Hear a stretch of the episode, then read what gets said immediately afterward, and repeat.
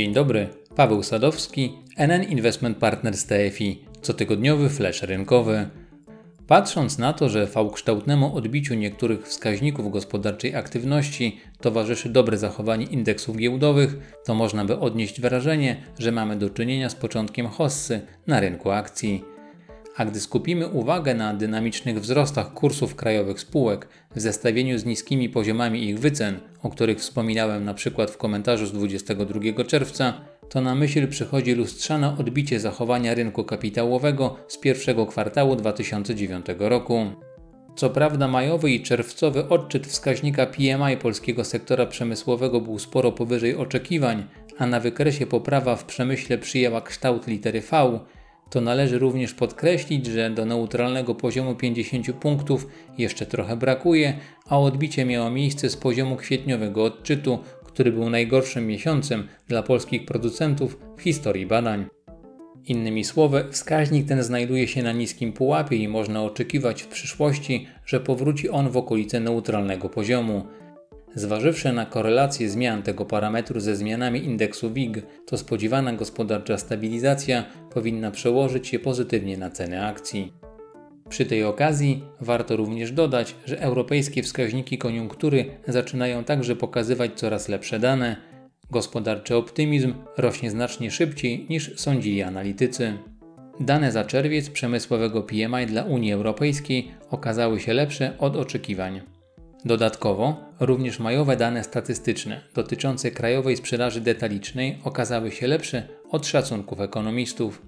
Dane potwierdzają, że po rozpoczęciu stopniowego znoszenia ograniczeń konsumpcja zwiększa się, lecz do normalności jest jeszcze daleko.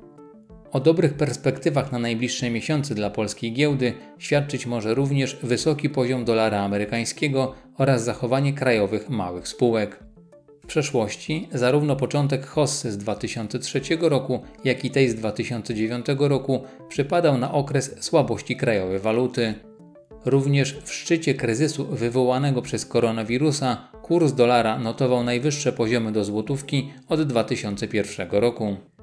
Połączenie tego faktu z lepszym zachowaniem kursów małych spółek od szerokiego indeksu akcji może sugerować, że mamy do czynienia z początkiem, a nie końcem dobrej koniunktury na warszawskiej giełdzie. Spółki wchodzące do indeksu SWIG 80 wykazały się ostatnio dużą siłą w relacji do indeksu WIG. W czasie marcowo-kwietniowej paniki spadły mniej niż cała giełda i wzrosły więcej w czasie odreagowania. Z taką sytuacją mieliśmy już do czynienia w przeszłości i zwiastowało to wtedy dalsze wzrosty notowań. Było tak zarówno po kryzysie wywołanym pęknięciem bańki internetowej, jak również po załamaniu na amerykańskim rynku kredytów hipotecznych subprime. Ten sam scenariusz odreagowania cen rodzimych akcji powtórzył się także podczas kryzysu finansów publicznych krajów południa Europy z początku poprzedniej dekady. Na koniec warto byłoby zadać pytanie, czy jest coś, co nie pasuje do tej historycznej szarady parametrów, które w przeszłości zwiastowały dobre zachowanie polskiej giełdy. Niestety jest. Z tą całą układanką nie współgrają poziomy indeksów amerykańskich akcji, które znajdują się w okolicach historycznych szczytów. Również patrząc na wyceny tamtejszych spółek przez pryzmat najbardziej popularnych wskaźników wycen, to trudno nie uznać tego rynku za drogi lub bardzo drogi. Jest to o tyle istotne, że amerykański rynek kapitałowy jest drogowskazem zachowania dla większości giełd na świecie. I gdyby tam zabrakło paliwa do dalszych wzrostów cen nie tanich już akcji, to trudno również zakładać, że dobre zachowanie akcji notowanych na giełdzie papierów wartościowych w Warszawie byłoby kontynuowane.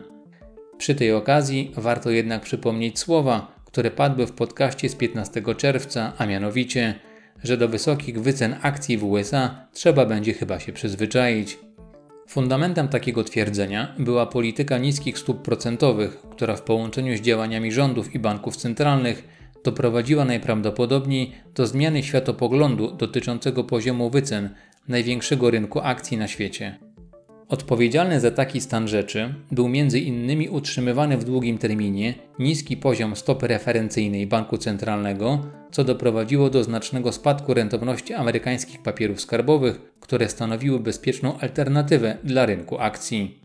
Następstwem tego było podniesienie poziomu, po przekroczeniu którego tamtejsze akcje uznawane są za drogie. Dodatkowo, to co należy wziąć pod uwagę w odniesieniu do zmian zachowania wycen spółek wchodzących w skład amerykańskich indeksów akcji, to sama zmiana ich struktury. Coraz większą rolę odgrywają spółki działające w szeroko pojętym obszarze nowych technologii, których biznesy oraz zyski rosną zdecydowanie szybciej niż spółek działających w oparciu o stare sposoby prowadzenia działalności gospodarczej. Znajduje to oczywiście odzwierciedlenie w ponadprzeciętnych kursach ich notowań.